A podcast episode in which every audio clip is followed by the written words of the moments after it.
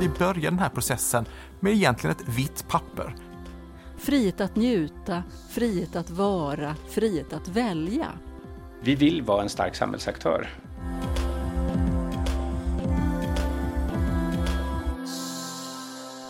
Hej! Den här podden är det första steget i en process som vi nu inleder i RFSU för att ta fram ett nytt idéprogram. Vi kommer ta fram en rad olika poddar som jag hoppas ska väcka tankar, leda till olika samtal runt om i vår organisation och utmana oss kanske lite grann. Jag heter Hans Linde och jag är förbundsordförande för RFSU och jag är så glad att få vara med nu att inleda den här resan tillsammans med er fram till kongressen 2023 när vi ska anta ett nytt idéprogram för hela RFSU. Vi har tre centrala styrdokument antagna av medlemmarna på vår kongress som styr all vår verksamhet. Det är stadgarna som vi reviderade på kongressen 2019. Det är vår nya vision, sextanten, som vi antog tillsammans på kongressen 2021.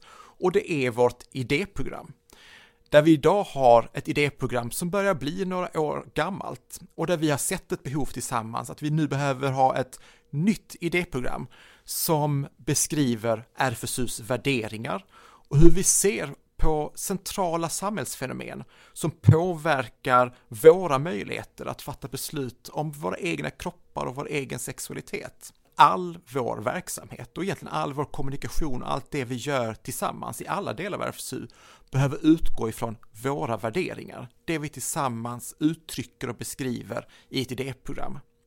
Jag kan se det här tydligt i mitt uppdrag som förbundsordförande och i arbetet i förbundsstyrelsen hur vi i vårt arbete behöver ta ställning till remisser som kommer från regeringen med förslag på ny lagstiftning. Vi behöver förhålla oss till förslag som kommer från andra organisationer i civilsamhället. Jag kan ge några exempel från mitt uppdrag som förbundsordförande där jag verkligen har sett ett stort behov av ett tydligt idéprogram som kan vägleda oss. Ett sådant exempel var när vi fick ett förslag från regeringen om att kriminalisera rasistisk organisering i Sverige. Det var frågeställningar som rörde både hur ser vi egentligen på rasism och hur rasismen ska bemötas i vårt samhälle, men det var också frågor som kopplade till föreningsfrihet. Hur ser vi egentligen på människors möjlighet att organisera sig och när ska politiken gå in och skapa förutsättningar eller begränsa den friheten? Här upplevde vi i förbundsstyrelsen att vi hade ganska lite stöd, ja faktiskt inget alls, från vårt nuvarande idéprogram och det innebar att vi i förbundsstyrelsen själva behövde formulera RFSUs hållning. Här hade jag verkligen önskat att vi hade ett tydligt vägledande idéprogram som vi kunde luta oss mot. Att jag kunde som förbundsordförande känna trygghet i att det beslut vi fattade i förbundsstyrelsen var tydligt förankrat i ett styrdokument som hade processats och antagits av RFSUs medlemmar på kongress. Och jag hoppas i framtiden när kommande förbundsstyrelser och kommande förbundsordföranden kommer ställas inför nya frågor som berör RFSUs verksamhet eller sexualpolitiken i stort, att de då ska kunna ha ett tydligt vägledande idéprogram som kan vara ett stöd till dem när de ska fatta beslut och utarbeta strategier.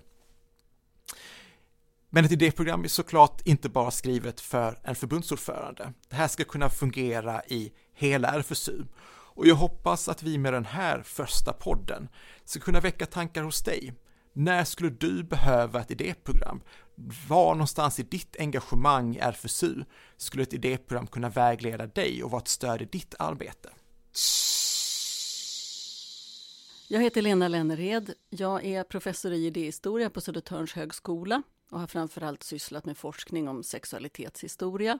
Och det var så jag kom med i RFSU på 90-talet i förbundsstyrelsen och sen var jag RFSUs förbundsordförande 2005 till 2011. Ett idéprogram det är någonting utöver ett handlingsprogram eller ett förbundsprogram eller så. Ett idéprogram visar ju på organisationens ideologi. RFSUs första förbundsprogram, som man sa då, 1934, ett år efter att organisationen hade bildats. Det var ju på en sida. Och först beskrev man lite kort vad det var för typ av organisation, Alltså att man var en medlemsorganisation som man kunde ansluta sig till, att man var obundna partipolitiskt och så vidare. Och sen kom det sex krav. Och sen var det slut. Och det fortsatte man att ha. På 40-talet reviderade man programmet, men det var fortsatt sådär väldigt kort. Det är på 70 80-talen som sådana här program utvidgas väldigt mycket och det tror jag gäller även kanske partier men organisationer överlag, att man gör dem större. Man gav ut ett program på 80-talet tror jag, som var väldigt omfattande och det liknar, jag, vet inte, man, jag tror inte man kallade det för idéprogram, utan man kallade det för principprogram. Så sådana här kan ju gå under många beteckningar, men där fanns ändå ambitionen att verkligen se sexualiteten i ett större sammanhang, i ett samhällssammanhang.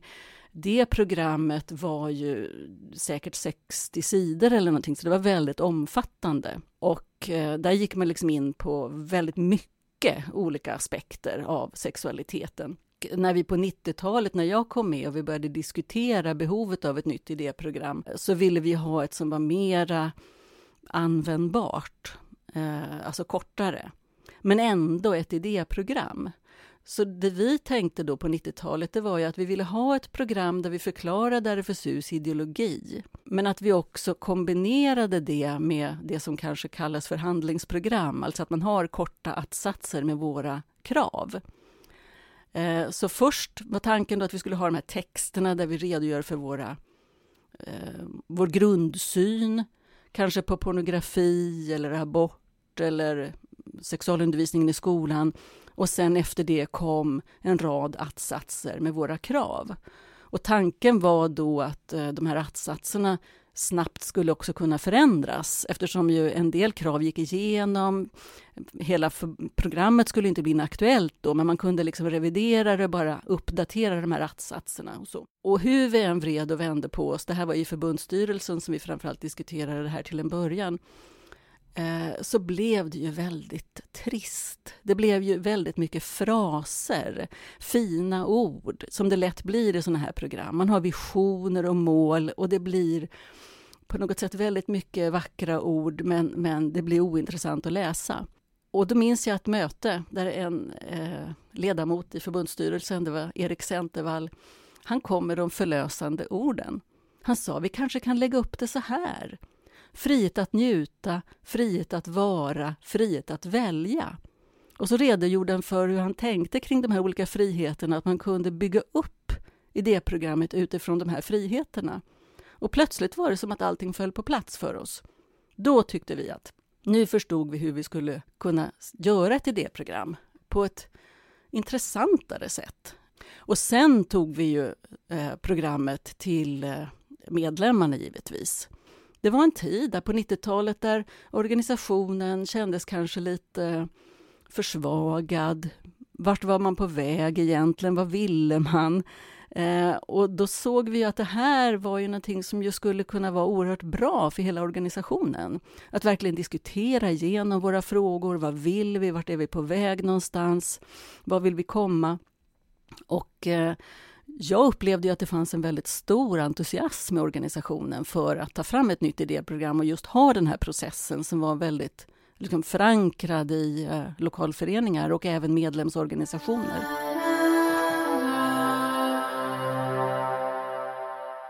Jag tror ju att alla organisationer har en ideologi, men den är inte som de traditionella ideologierna. Alltså det är inte som socialism, och konservatism och liberalism och så vidare. Det är det vi traditionellt förknippar med ideologier. Men organisationer har i regel en ideologi, det vill säga en slags grundsyn på hur man ser på sin roll, sina frågor och i ett större sammanhang. Och I RFSU handlar det ju väldigt mycket om att eh, se de här sexuella frågorna som, som är i själva hjärtat av verksamheten, att se dem i ett större sammanhang och att se dem i ett samhällssammanhang framför allt. Eh, det man måste fundera över när man tar fram ett idéprogram eh, är ju, och det gäller ju inte bara idéprogrammet då, utan också vad organisationen gör. Det är ju, var går gränserna för mitt uppdrag? Alltså, vad är det som ingår? Där vet jag att man på till exempel 70-talet när man diskuterade idéprogram, där tog man upp väldigt mycket kring arbetstid. För man menade att folk arbetade, var trötta, hade inte liksom ork och lust och, och att det var liksom ett problem för sexuallivet med arbetstider och arbetsförhållanden. Och det, det är liksom kanske en typisk fråga som kom upp på 70-talet det är ju ett område som RFSU sen liksom lämnade. Där tyckte vi att där skulle inte vi in och diskutera arbetsförhållanden på vanliga arbetsplatser och, och så vidare och hur länge folk jobbade. Eh, det är andras uppdrag. De är inte oviktiga de frågorna, men det var liksom inte RFSUs uppdrag. Men sen är det klart att det kommer upp andra frågor och eh, det har ju varit självklart sedan länge att RFSU till exempel har ett förhållningssätt, en, en, en en diskussion kring hur man förhåller sig till feminism, till exempel.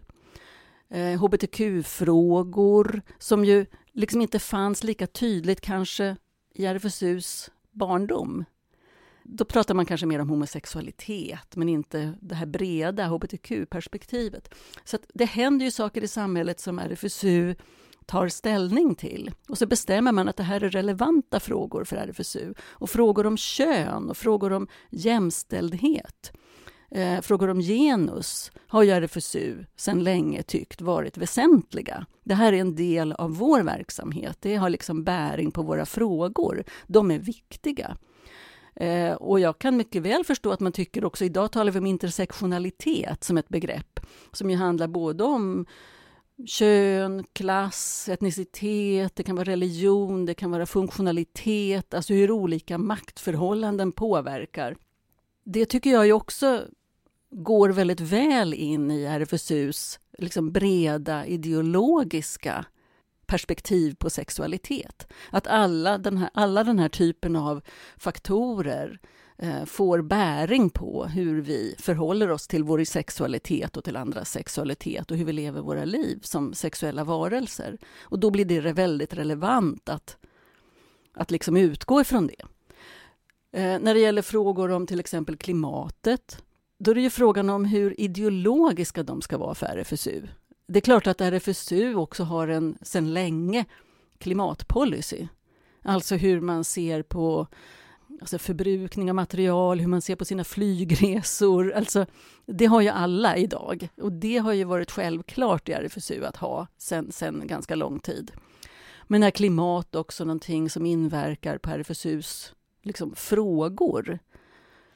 Det gör det nog, men där får man ju diskutera i så fall hur och på vilka sätt det gör det. Nej, men jag tänker att RFSUs idéprogram speglar ju vad vi tycker ska göras i Sverige, hur vi ser på förhållanden i Sverige, men också EU och i världen globalt. RFSU har ju sedan länge ett globalt engagemang och det måste ju också speglas i idéprogrammet. Vad vill vi med vårt internationella engagemang? Vilka är våra mål där? Varför arbetar vi där? Det tycker jag är jätteviktigt att det finns med. Och ofta hänger ju de här frågorna ihop. Alltså det nationella, kanske på EU-nivå och det internationella. Man har varit stolt över vårt internationella arbete, tror jag, men det har varit svårare att, att liksom kanske engagera sig på djupet i det. Nej, men en sak som jag kan lägga till. Mm. Ja, när vi på 90-talet började diskutera behovet av ett idéprogram, och det kom ju först då år 2000 efter en extra kongress. Det handlar ju också om att se vad RFSU var. RFSU hade ju en väldigt stark identitet i upplysningen. Alltså att RFSU är en upplysningsorganisation, en kunskapsorganisation. Den grunden var ju jättestark. Eh, och vi hade ju redan då eh, informatörer som arbetade i skolan med information kring sexualitet. Men det vi gjorde då, eh, och det var ju att också lite mera tydligt visa på att RFSU också är en politisk organisation. Idag tror jag det är ganska självklart för de flesta i RFSU. Men på 90-talet hade den delen lite grann blivit eh, otydlig. Att RFSU också är en sexualpolitisk organisation. Och med det, så, det tycker jag tydliggjordes i vårt idéprogram också med de tre friheterna och rättigheter och att vi liksom visade på den politiska dimensionen men att också politiken och upplysningen givetvis hängde ihop. Jag tycker det är jättebra att RFSU arbetar med idéprogrammet. Eh, det måste man göra, det är liksom organisationens själ, tycker jag. Eh, och då är det viktigt, tycker jag, att man eh, försöker skriva ett program som är intressant att läsa. För när vi gjorde det programmet då var ju vår ambition att det här skulle nya medlemmar till exempel kunna sitta och läsa och diskutera tillsammans. Det var liksom ett sätt att komma in i RFSU och i vårt tänkande. Sen är det ju också en slags eh, ett litet uppslagsverk, alltså att man, ja men vad står nu RFSU i den här frågan, så kan man kolla de här attsatserna, om man nu inte har det i huvudet. Men jag tycker att den här eh, användbarheten, läsbarheten tycker jag man ska ha kvar och fortsätta att försöka se till att den finns. Och då måste man ju formulera sig kanske på ett nytt sätt idag, för idéprogrammet har liksom en del, även fast det reviderats, har många år på nacken.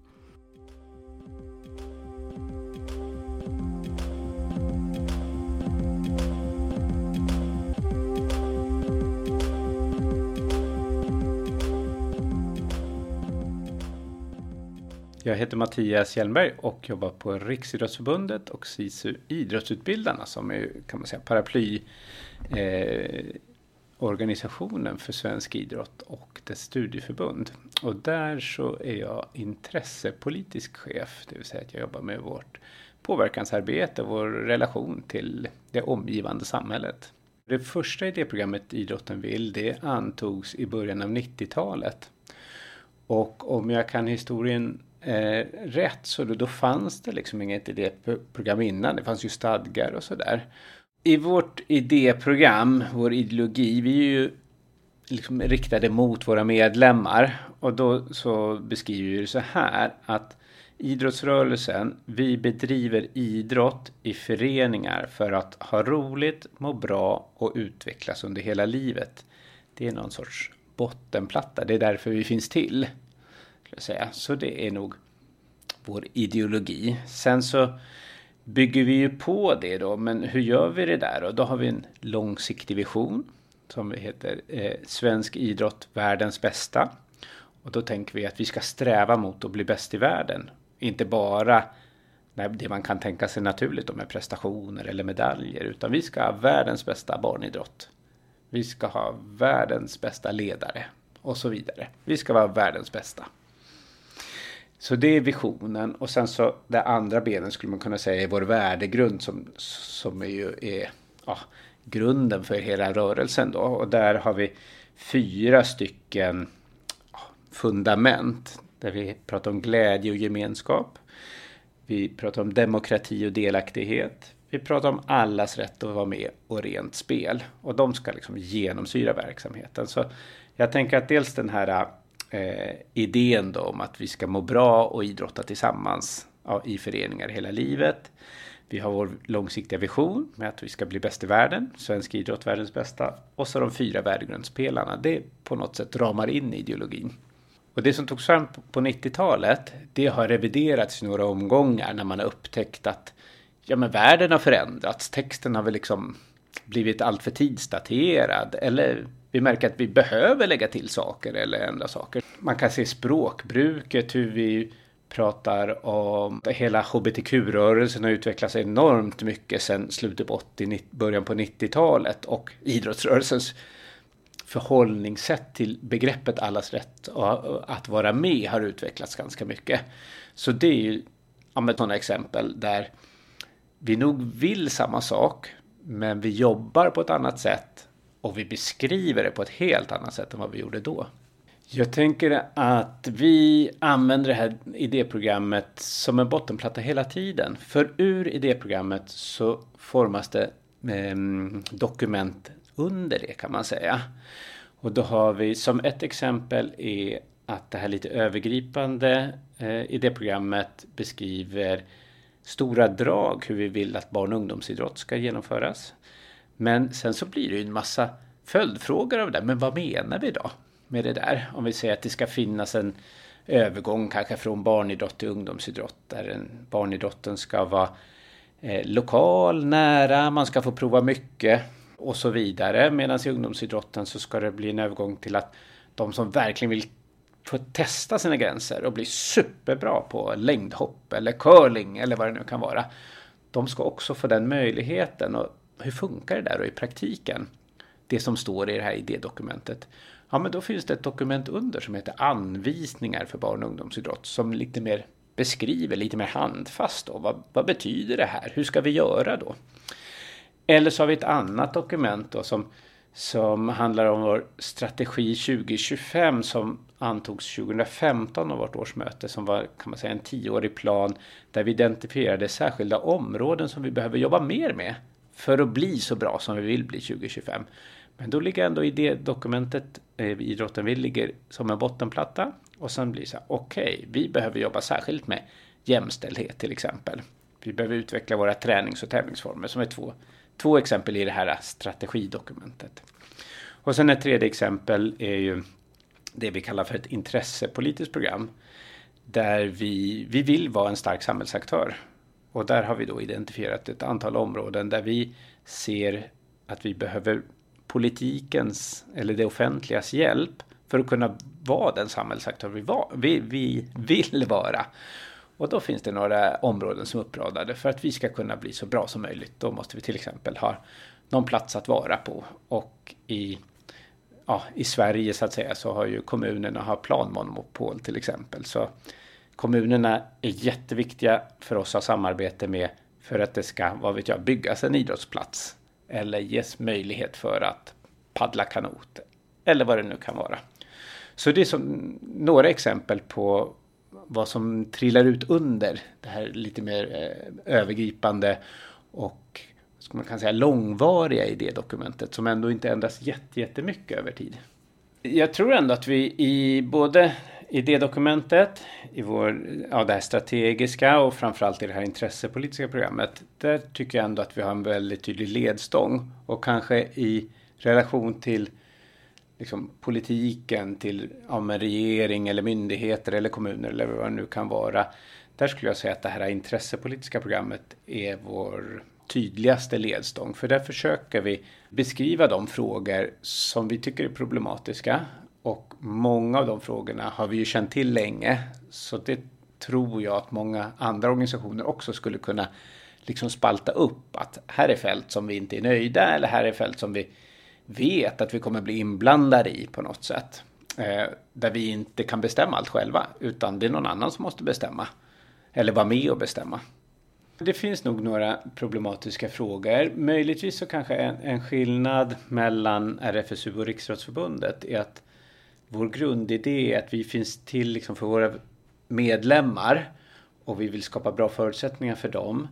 Och vi är ganska sällan inne i på det sättet bredare samhällsfrågor som ligger kan man säga utanför den verksamhet som bedrivs av föreningarna.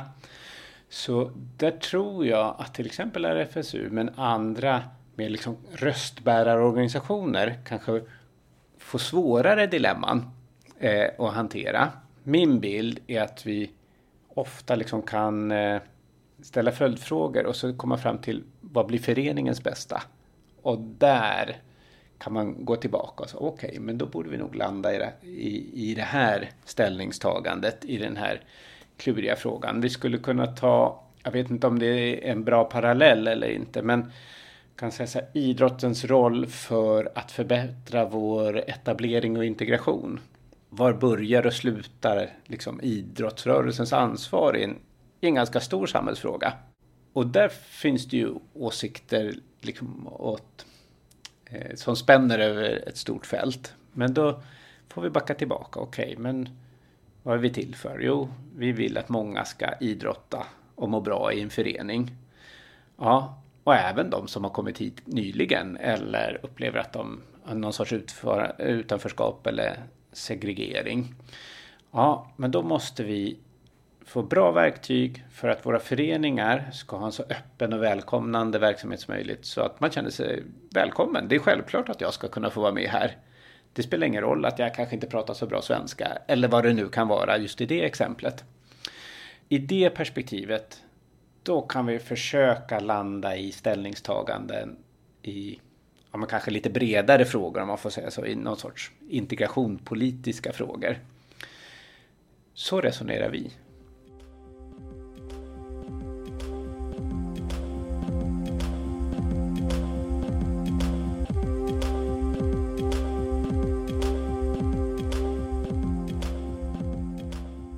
Det är viktigt att RFSUs idéprogram inte är för, eh, för ängsligt Eh, för, för duktigt, utan att man vågar vara mer resonerande. Man behöver kanske i svåra frågor inte alltid ta ställning svart och vitt, utan tvärtom så tycker jag att RFSU istället kan våga sig på att resonera kring svåra frågor. Det finns ju frågor som under decennier har varit komplexa i RFSU. Eh, till exempel frågor kring sexköp, eh, frågor kring, eh, det kan också vara pornografi, där det har funnits olika synpunkter inom organisationen. Eh, jämfört med andra frågor, till exempel i abortfrågan finns det en väldigt stark enighet. Eh, men det har också funnits frågor som har varit lite svårare. Eh, men där jag tycker också att RFSU väldigt mycket kan vara den där parten i samhällsdebatten som fördjupar ett samtal och låter det vara komplext, låter det också vara svårt istället för att bara banka fram krav och att-satser. RFSU är en politisk organisation men också en upplysningsorganisation. Och just också om nu RFSU ska ha sina friheter kvar eh, hur kan man resonera kring dem och till exempel pornografin? Var, var, landar vi någonstans? Det är jättespännande. Jag tycker de har varit... Våra friheter tycker jag verkligen fungerade som verktyg. Eh, välja, vara, njuta. Eh, jag tycker det fungerade som verktyg när vi försökte eh, positionera oss i olika frågor. Sen kom ju givetvis frågan om eh, rättigheter upp. Eh, och jag menar, RFSU har ju alltid pratat om, inte om rättigheter så, men rätten till abort, rätten till preventivmedel. Eh, men hela den här idén om rättigheter och mänskliga rättigheter framför allt i de här sammanhangen, den växtes ju starkare på, här på 90-talet in på 2000-talet. Den var inte så, det var inte så självklart att den var liksom en del av samtalet tidigare. Alltså då krävde folk rätt till alla möjliga olika saker, men man behövde liksom inte förankra det i mänskliga rättigheter. Men hela den här diskursen om mänskliga rättigheter, som ju är gammal givetvis, att människor är födda med rättigheter som är naturliga och som ju eh, framför allt fick en skjuts framåt genom FNs deklaration om de mänskliga rättigheterna. Alltså det är ju framför allt slutet på 90-talet och framåt som det kommer in i våra frågor eh, och blir en, en liksom ny argumentationsgrund kan man säga. Eh, och där man ser till exempel på abort som en mänsklig rättighet. Eh, vilket ju också gör att eh, abortmotståndare ser på fostrets rätt till liv som en mänsklig rättighet. Så vi liksom flyttar på något sätt vissa frågor till en mänskliga rättigheter-fråga också. Men, men det där var ju inte lika självklart tidigare, att det var så man skulle tala om mänskliga rättigheter. Men det betyder ju inte att man inte hade en politisk kamp och ville få till stånd en förändring och ville också ha ökade rättigheter. Eh, men då fanns det ju också en del som efterlyste i vårt idéprogram, ja men varför har vi inte rättigheter istället för friheter? Eller hur förhåller de sig till varandra? Eh, och det var ju en jättebra fråga och då skrev vi också ett avsnitt om det där vi diskuterade friheterna som kanske mera en vision och rättigheterna mera som, som någonting som låg närmare själva eh, de krav vi, vi ställde. Det här var den första podden inför att RFSU ska anta ett nytt idéprogram. Jag hoppas verkligen att det här har väckt tankar och att du känner dig peppad att nu gå in och delta med din erfarenhet och din kunskap in i den här processen. Och kom ihåg, det är ett nytt idéprogram vi ska ta för RFSU.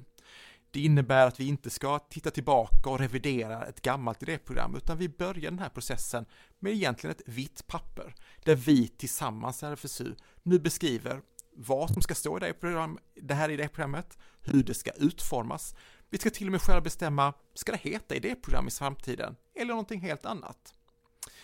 Och kom ihåg, ditt bidrag är viktigt. Ska RFSU få ett riktigt bra idéprogram som vägleder hela organisationen in i framtiden, då behöver det bygga på all den kunskap och all den erfarenhet som vi har tillsammans som medlemmar i RFSU. Därför är ditt bidrag så viktigt till den här processen.